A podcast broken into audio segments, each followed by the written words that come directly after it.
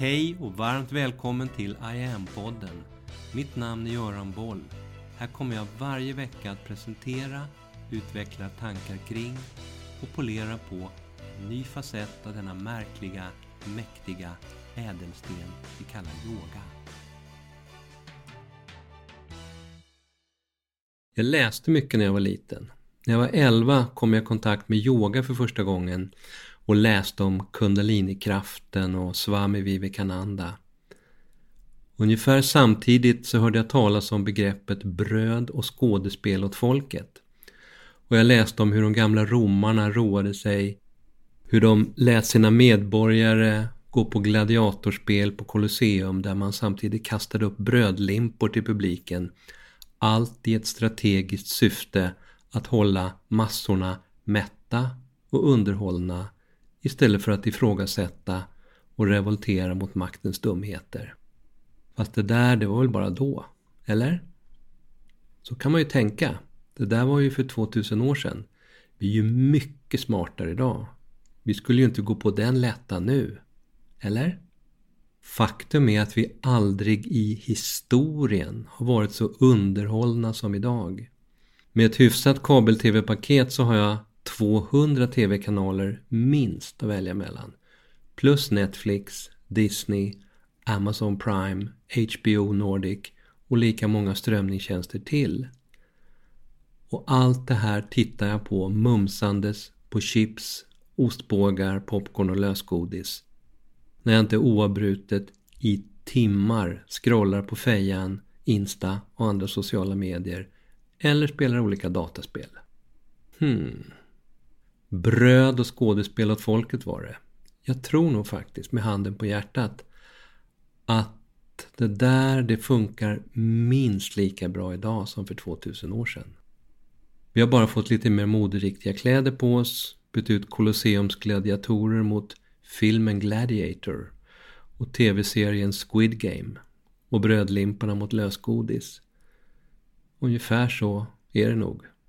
Tyvärr. Filmer, TV och annat som vi tittar på är en del av det vi kallar det mediala utbudet, media. Media är också det begrepp vi använder för den så kallade tredje statsmakten. Den som enligt regeringens egen hemsida är så otroligt, oerhört viktig. Den granskande journalistiken som har en så oerhört central roll i ett starkt demokratiskt samhälle sägs det från regeringskansliet på deras egen hemsida. Hur ser det här ut då, idag? Med den granskande journalistiken och hur kan det här komma att förändras framöver? Framtidens media. Och vad säger media själv om framtiden? I dagens maktkoncentrerade värld med allt fler nya typer av makthavare, influenser till exempel och sociala medier vars framtida utveckling vi ännu bara anar en liten flik av. I allt det här så genomgår de traditionella medierna en både rätt dramatisk och hårdhänt jaga klick-transformation. I alla de här medierna så presenteras och porträtteras framtiden, oftast rätt grovhugget utifrån olika karikatyrer, antingen som en plats full av högteknologiska mirakler. Allt kommer att ordna sig, allt kommer att lösa sig, alla problem kommer att vara som bortblåsta inom några år. Om vi bara får tid att utveckla tekniken. Eller som en rent dystopisk miljö och klimatapokalyps. En helt galen värld i totalt förfall. Det är så som media beskriver framtiden. Polariserat där också. Media. Om vi bortser från en och annan Panamaläcka så kan man ju ställa sig frågan vart tog alla undersökande murvlar vägen? De där granskande journalisterna, de som regeringen hyllar. Och vart kom alla glättiga kändisreportage och dramatiserade dokusåpor med diverse hel och halvkändisar ifrån? Hur skedde den där glidningen? Reflektera över det en stund. I en del länder som exempelvis Ryssland och Kina, där är allting oerhört övertydligt.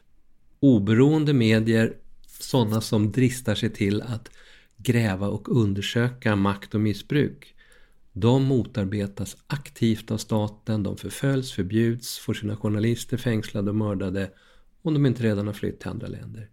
Där är det inga konstigheter. Rätt brutala men väldigt raka puckar. Hur ser media ut här i Sverige? Här, här har mediemarknaden förändrats rätt dramatiskt de senaste årtiondena. Här har den ökade marknadsorienteringen, kommersialiseringen av media med mera spelat en väldigt stor roll.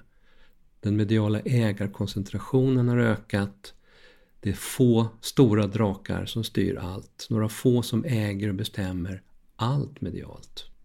För 20 år sedan vid millennieskiftet så fanns 28 olika ägare till landets dagstidningar. Idag är det mindre än 10. Sex utav dem kontrollerar 98 procent av dagstidningsmarknaden. Med Bonnier som störst, äger nästan hälften. En fungerande media har en viktig speglande roll i ett samhälle och i en demokrati. Och maktkoncentration i media anses av de flesta ge negativa konsekvenser för dig och för mig.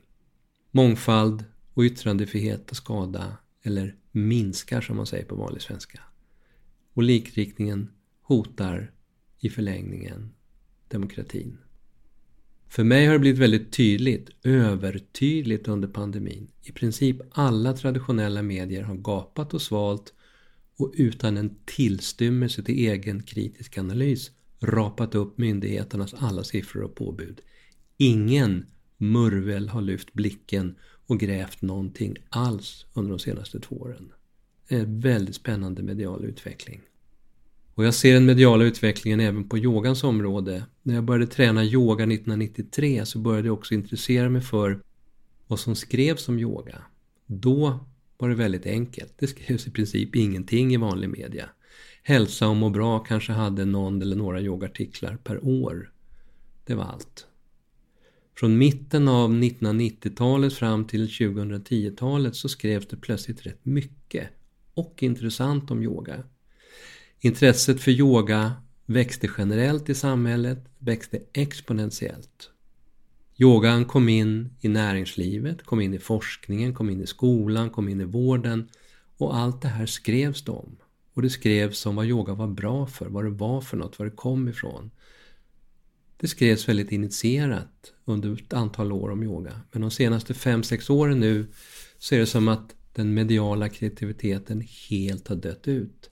Nästan allting som skrivs om yoga idag i tidningarna är platt, ytligt och ointressant. Jag har prenumererat på en presstjänst sedan 2002, alltså i 20 års tid och läst i princip allt som har skrivits om yoga i Sverige i alla svenska tidningar de senaste 20 åren. Och de senaste fem åren är fullständig katastrof. Det är öken. Kommer det här att bli bättre framöver? Hur ser framtiden ut? På det mediala området? Ingen vet förstås, men det finns en massa framtidsstudier i många olika länder. Man pratar om en internetisering av hela medielandskapet. Där dagens mediestruktur är på väg att förändras i grunden. Dagstidningar och tv-kanaler har redan börjat förändras. På ytan kanske det fortfarande kommer se ut ungefär som vanligt men de underliggande strukturerna ändras väldigt snabbt. Och förr eller senare är det någonting helt annat som står där istället för de mediala institutioner som regeringen tycker är så viktig för demokratin. Både inom yogan och inom tidiga europeiska och nordiska tidsuppfattningar så har man sett på tiden och på utvecklingen som cirkulär snarare än som linjär. Det finns ett begrepp som heter Kali Yuga som beskriver den epok som vi enligt hinduiska tidskrifter eller skrifter befinner oss i just nu. Kali Yuga är den sämsta, jobbigaste och värsta av de fyra tidsåldrarna som vi växlar mellan. Kali Yuga är kaosets tidsålder. Enligt fornnordisk tidsuppfattning som är liknande så säger man att vi lever i varga-tider. Enligt de här cykliska synsätten så styrs vi under Kali Yoga och vargtiderna av giriga, korrupta, våldsbenägna, barbariska ledare som i sin makthunger driver världen mot avgrunden. Låter lite som rubrikerna i vilken dagstidning som helst just nu. Man ser på vad som händer i Europa till exempel. Det yogiska svaret, den yogiska approachen till allt det här, det är att ansvaret finns inom oss alla och att vi, var och en utav oss, behöver centrera oss. Stanna upp, ställa oss stadigt i mitten och där lyssna inåt. Där du med stort D, din själ längst där inne, alltid har väldigt kloka svar till hur just du ska hantera just nu och framtiden. Det är det här som är yoga i sin essens. Det här är vad yogan alltid har handlat om. Att ge dig vassa verktyg för att kunna lyssna på den allra klokaste, på den största auktoriteten i ditt liv. Du själv. Din egen själs djupaste röst. Min katt Tao, han säger att när vi kommer så långt, vi människor, att vi hör själens röst, så kommer vi tycka att den låter märkligt, misstänkt likt precis det som Tao alltid har sagt. Så han tycker att vi kan spara en massa tid genom att lyssna på honom redan nu istället. Och till mig personligen så säger han att den tiden som just jag sparar, den vet han precis vad jag ska använda den till. Och det involverar hans matskål, hans låda och en borste som jag enligt Tav tydligen helt har glömt bort vad den är till för. Så nu ska jag använda all den här fritiden åt att jobba. Vi hörs! Mitt namn är Göran Boll. Det var jag som skapade Medyoga och grundade Medyoga-institutet. Sedan 90-talet och framåt har jag introducerat yoga i näringslivet, in i svensk forskning och in i den svenska hälso och sjukvården där Sverige idag är världsledande på yoga direkt för patienter. Framtiden för mig handlar om I am. Yoga för medvetenhet och hälsa. Läs mer om kurser, online-träning, utbildningar med mera på hemsidan iamyoga.online. Följ oss gärna på sociala medier och tycker du om de här poddarna så tar jag tacksamt emot om du vill gå in på iTunes, Spotify och där poddar finns och ge mig ett betyg så vi blir fler som hittar in i yogans värld. Tack för att du lyssnar och delar.